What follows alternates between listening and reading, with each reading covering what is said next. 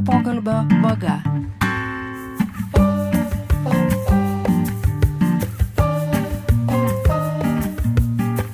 Sveiki, malonus klausytojai, su jumis sveikinasi tinklalaidė Gero pokalbio vaga.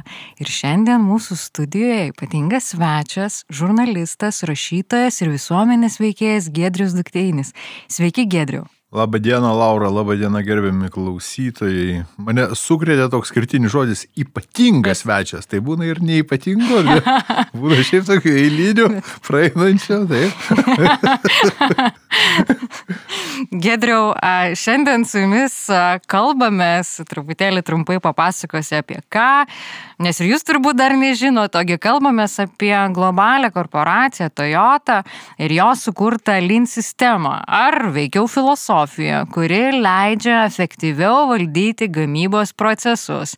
Ir apie Lean jau nemažai šiandien kalbame ir Lietuvoje. Bet aš tokį tolimą klausimą jums turiu. Aš kiek žinau, jūs esate labiau Fordo žmogus. Es, esu, esu radusi jūsų citatą ir citatos pradžia. Kadaise įsiklausiau profesoriaus Landsbergio pareiškimą, kad Lietuvai reikia daugiau Amerikos ir mažiau Rusijos. Tad buvo savaime aišku, jog vairuosi tik amerikietiškus automobilius. Tai vad norėjau paklausti, ar preferencijos nepasikeitė. Preferencijos nepasikeitė, nes jis dar įtakoja ne vien profesoriaus Landsbergio šitą, šitas pasiūlymas bet ir, na, tokia irgi fil filosofija, kuri vadinasi etninis, etninis vartotojiškumas, kurį kadaise sukūrė žydai, akcentuodami tai, kad kiekvienas vartotojas turėtų atkreipti dėmesį, kur nusėda kiekvienas jo išleistas centas. Ar pas ideologinius priešus, ar pas politinius sąjungininkus, ar toje ekonominėje erdvėje ir orbitoje, iš kurios tie pinigai gali sugrįžti atgal tam pačiam vartotojui, na, pavyzdžiui, Europos Sąjungoje ar ne, arba, na, tarkime, mūsų regione, Skandinavijai, ar, ar, ar kažkur tai šalia. Ar reikia tuos, tuos, tuos pinigus leisti kažkur tai toli į kitą pasaulio kraštą, iš kurio jie greičiausiai mums atgal nebesugrįž? Ar ne? Na, pavyzdžiui, perkant Pietų Korejos produkciją. Taip. Arba, tarkime, kinietišką produkciją ir ką nors panašaus. Taigi, atsižvelgdamas į šitą principą, aš, aš iš tikrųjų stengiuosi, kaip sakant, degalus piltis mūsų politiniams sąjungininkams priklausančiose degalinėse. Taip, teisingai, automobilius, o ir kitas plataus vartojimo prekes, na, tokias kaip, pavyzdžiui, maistą arba aprangą. Aš irgi stengiuosi pirkti ten, kur tikrai žinau, kad mano sumokėti pinigai, na, padės pagaminti dar vieną raketą, dar vieną povandeninį laivą, dar padės aprengti ir parengti kokį nors, na, smogiką, kuris reikalui esant apgins mūsų nepriklausomybę, laisvę ir kultūrinį bei religinį identitetą. Aš taip įsivaizduoju, kad e, labai sunku būti taip vartotojiškai atbūdusiu visą laiką, čia kaip būti, čia ir dabar visą laiką. kaip, ir, kaip ir, žinot, parašyta daugelį knygų, pradžia visada yra sunki, tačiau po to, kai tai tampa tiesiog, na, toks gyvenimo įprotis, rutina, tai pasidaro ne tik lengva, bet netgi ir, ir, ir, ir gana tokia smagi pramoga, juoba dar suteikianti visam gyvenimui tokios prasmės ne, kažkokį kontekstą galų galę. tai šią prasme jūs esate konservatorius. Jeigu jūs uh, išsirenkate kokius gamintojus ar prekinius ženklus, tai jau ir vartojate visą gyvenimą į produkciją. E, žinot, Laura, pagal mano sampratą konservatorius kaip paprastai yra lėtas bailokas žmogus. Kam aišku, šiais laikais pasaulyje gana yra sunku surasti vietos, nes, nes, nes pats gyvenimas stumia tave įsirėmęs į nugarą. Dėl to na, ne, man atrodo, kiekvieno iš mūsų gyvenančio 21 amžiuje turbūt didelis pranašumas palyginti su ankstesniam kartom yra tai, kad mes turime kur kas daugiau pasirinkimo ir, ir kur kas daugiau sąlygų tuos pasirinkimus padaryti, negu, sakysime, tai, tai galėjome padaryti prieš, tarkim, 30 metų, jau nekalbant apie tai, kas, kas vyko prieš 100 metų. Dėl to, ne, ne, ne, konservatyvizmas akademinė prasme, klasikinė ta pra, prasme jisai jau, jau iš principo kaip ir net nebeegzistuoja. Visi žmonės keičiasi. Pats didžiausias konservatorius pasaulyje vis tiek turi mobilų telefoną, ar ne? Nors, nors puikiai žino, kad per jį yra sekamas, kad to telefonas skleidžiamas mikrobangos, naikina jos smegenų ląsteles ir 5G ryšiais. Dar čia, kaip sakant, atneša visokiausių iškadų, bet jis vis tiek jom naudojasi. Tai va, taigi, galima sakyti, žmonės dabar yra liberalūs. O kaip žinia, irgi pagal klasikinę sampratą, brandus liberalas tai yra pusė socialdemokrato, taigi, man atrodo, visi mes neišvengiamai einame į, socialdemokratijos įsigalėjimo erą. Taip, truputėlį į kairę pusę atimtelisiu, čia turbūt nepaslaptis, kad rusai vairuoja ladas. O vat, Amerikoje mane pačią nustebino, aš 2019 metais gyvenau amerikietiškoje Amerikoje, Floridoje. Ir kas man pasirodė keista, kad ten yra begalė daug Toyota Prius. Ir at, lietuviai, pas kuriuos aš buvau apsistojus, jie labai džiaugiasi, kad tie dideli atstumai, kuriuos turi kasdieną įveikti, na, jie įveikiami žymiai ekonomiškiau.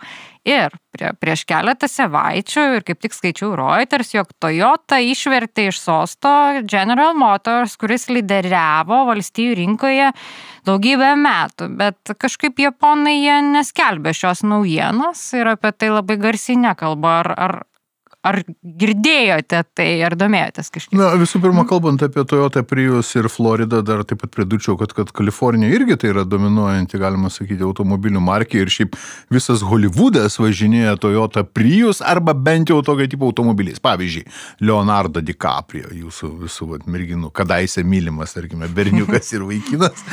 Dabar tik tai truputėlį, aišku, galbūt pasikeitė jo, jo išvaizda ar ne, bet šiaip taip, taip, taip, visai logiška tai, kai jūs sakote, taip, aišku, tai yra ekonomiškesni automobiliai, bet to, aišku, tai yra masinės psichozės, be abejo, išdava ir rezultatas.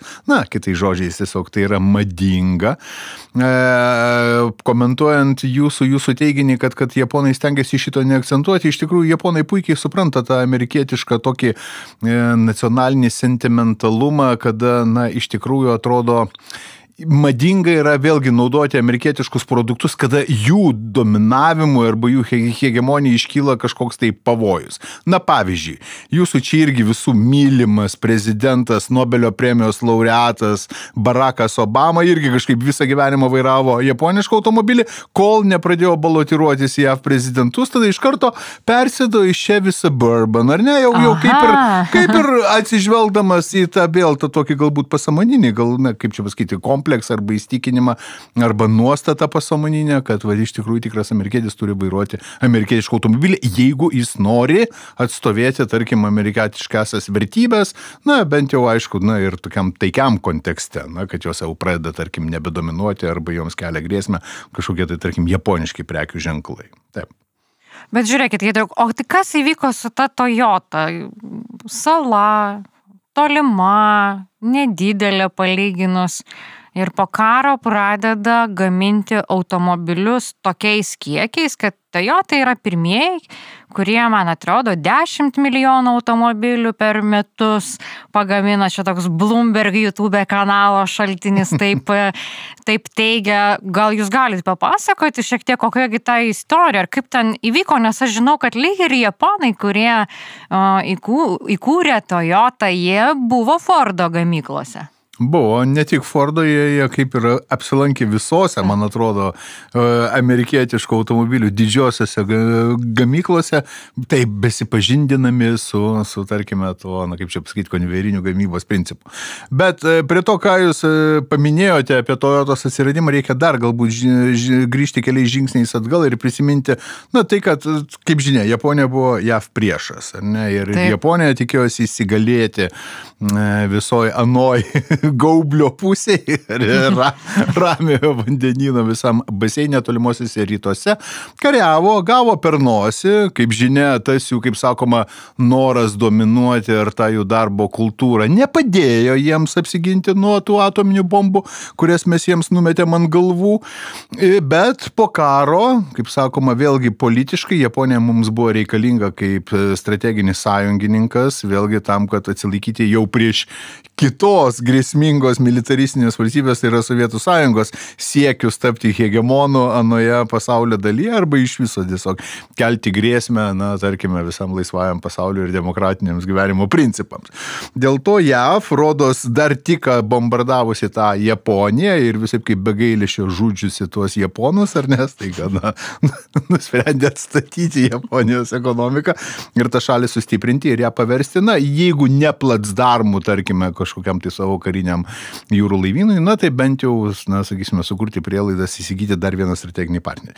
Dėl to JAV, na, ar ekonomika JAV, ar, ar gamintojai, tie patys Stanfordai, ar dar kažkas plačiai atvėrė savo duris japonų verslininkams, inžinieriams, mokslininkams, entrepreneriams, ar šiaip tiesiog žmonėms geriems, ar ne, kaip sakant, dosniai pasidalino su japonais visom savo technologijom, daug ką padovanojo, daug ką, kaip sakoma, patys apmokė ir taip toliau. Na, amerikiečiai mėgsta tai pasielgti su savo nugalėtais priešais.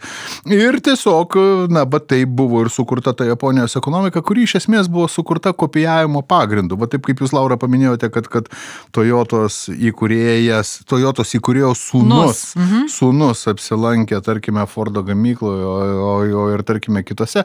Tas pats procesas vyko ir, ir, ir su, su, su kitais japoniškų automobilių gamintojais. Ar tai būtų Nissan, ar ten Suzuki kokia nors, ar mm -hmm. Datsun ir taip toliau, ir taip toliau. Ir tiesiog jie, na, įžūliai gal net galima pasakyti, tiesiog kopijavo viską, ką sukūrė amerikiečiai.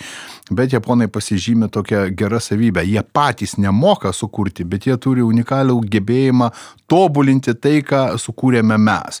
Na, nes aš tikiu, turbūt kiekvienam klausytojui gali iškilti klausimas, kodėl atrodytų, na, japonai su savo, na, kiek 680 milijonų, su savo tokia turtinga istorija, su savo, na, tikrai tokia mm, e, galinga, galingų inžinierinių užmojumi ir, ir mintimi, kodėl japonai nėra sukūrę ne vieno fizikos arba chemijos dėsnio, arba ne vieno dėsnio, na, tiksliausiuose moksluose, kuris būtų pavadintas Japono vardu.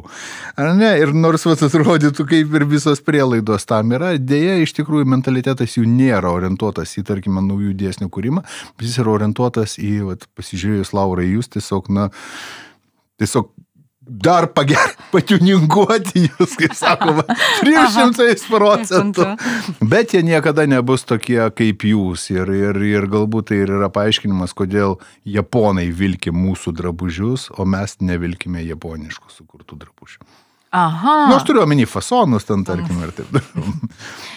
Dar toks vienas akcentas, kad e, amerikiečiai turi plotus, didelius plotus gamyklom ir to neturėjo japonai, dėl to jie, kurdami, vat, tobulindami tą vadybos, vadinkime, sistemą, jie sukūrė kažką naujo. Tai vat, kur, kur ir vyko tas tobulėjimo laiptelis ir galvoju, gal galime po truputėlį pereiti prie to lyn ir kas tai yra. Lyn tai yra, taip, iš ties labai teisingai užakcentavo geografinį gal principą, ar kaip čia pasakyti, geometrinį tą principą. Taip, japonai gyvendami tie 180 ar kiek dabar yra milijonų tokiam palyginti mažam plotė buvo tiesiog na, tiesiog logiškai buvo priversti sukurti lyn arba analogiškas sistemas tam, kad žmogus kuo mažiau pajudėdamas savo darbo vietoje ar nuo darbo vietos galėtų pasiekti visus jam reikalingus darbo įrankius. Na, jeigu taip kalbant primityviaja prasme, klausytojams, kurie turbūt puikiai žino, kas ta lyn ar ten Six Sigma ar tai tarkim analogiškos sistemos yra, puikiai žino, kad, na, pavyzdžiui, bet koks darbininkas dirbdamas, jisai tiesiog turi nekvaršinti savo galvos, kur ten gauti žirgą žirklės ar ten izolacijos.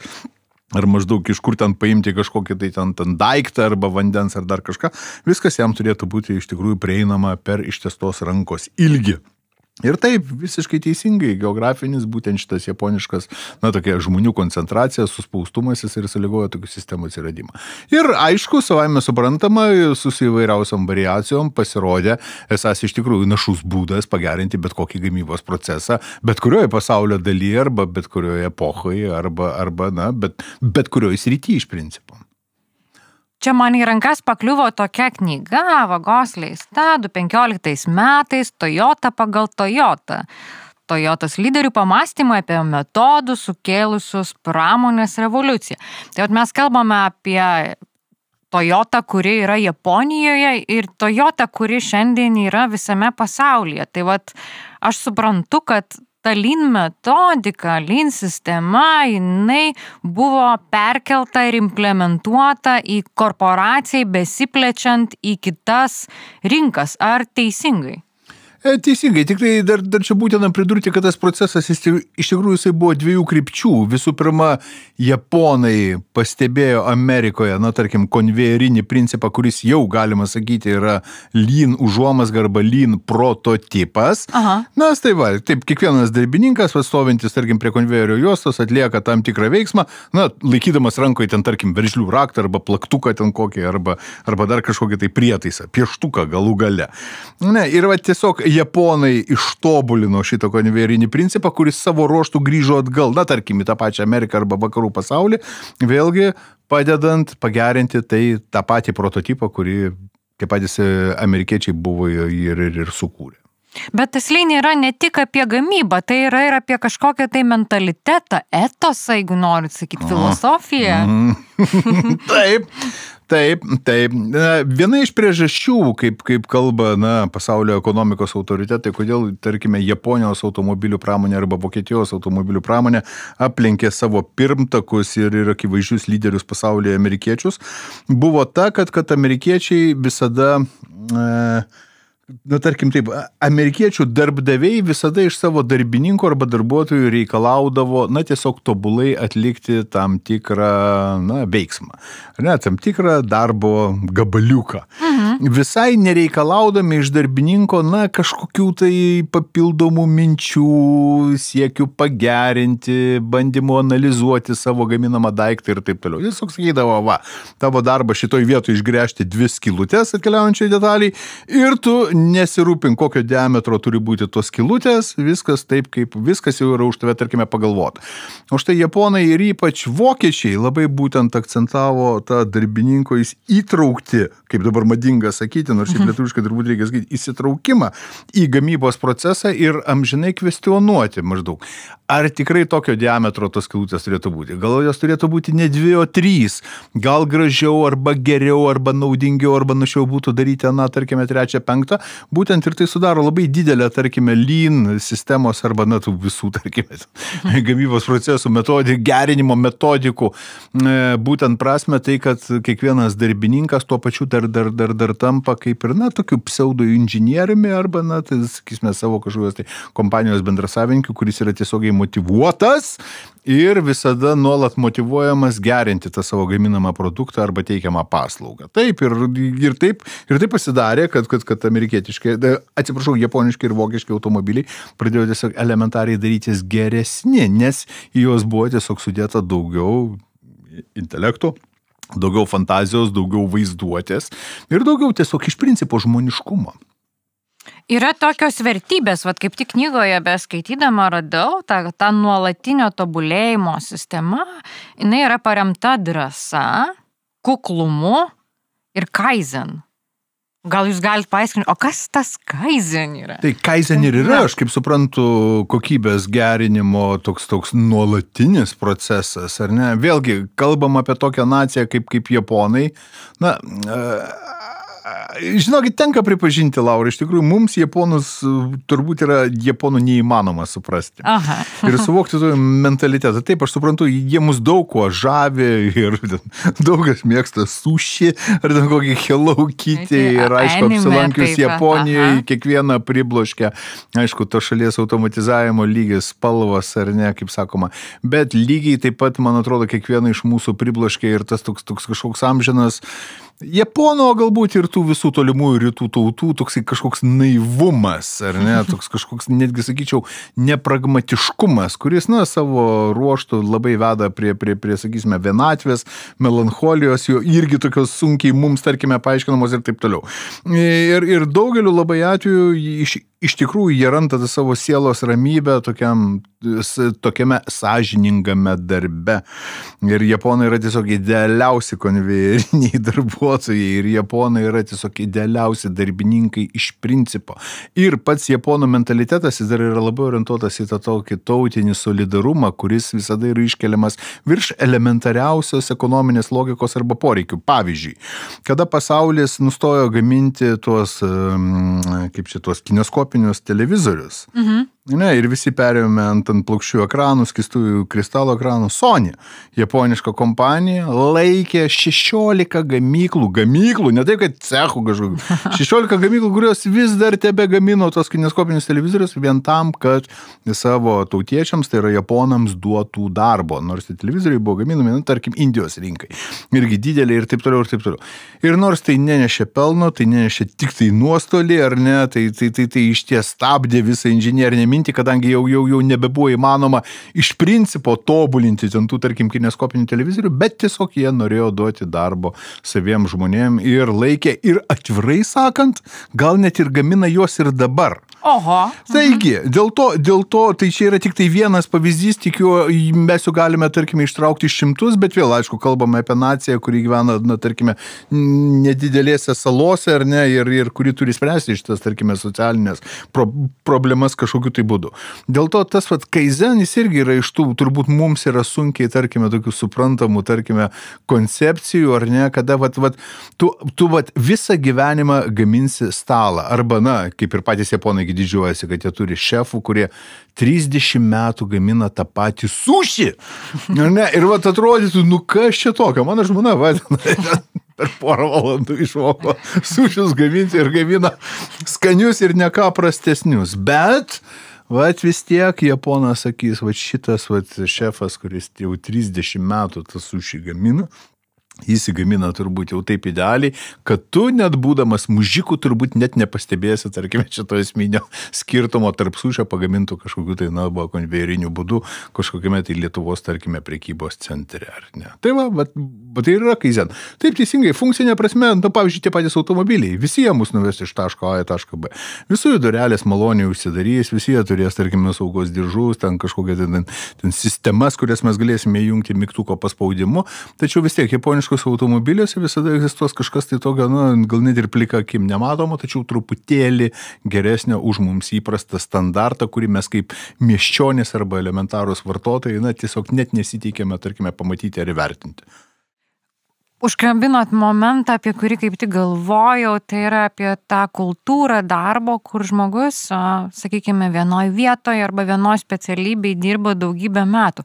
Ir vat skaitydama apie tai, kaip lyn yra dėgiama Lietuvoje, lyn ekspertų nuomonė, vienas iš tų skirtumų, dėl ko nepavyksta tos kultūros perkelti, yra tai, kad pas mus, na, nėra taip įprasta, jog žmogus 30, pavyzdžiui, ir 40 metų dirba vienoje vietoje, o jeigu ir dirba, tai jo visi klausia, kas su tavimi yra negerai.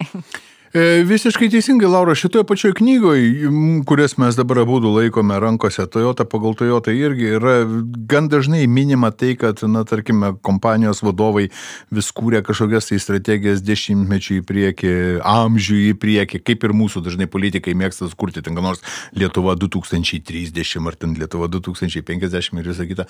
Na, pavyzdžiui, visiškai nenumatydami tokių dalykų, kurie ir daro mūsų gyvenimą dinamišku. Na, pavyzdžiui, pandemija, ar ne? Kuri, mm -hmm. mat, iš esmės paima ir pakeičia keičia viską, pradedant, na, ten tiekimo kažkokiam tai linijom, baigiant žmonių mobilumu arba iš viso, tarkim, perkamąją gale. Tai tu atrodo rašyk tas strategijas, kokias tik tai nori, bet, na, niekada labai labai sunku, tarkime, numatyti ateitį tokią, kokia jinai yra.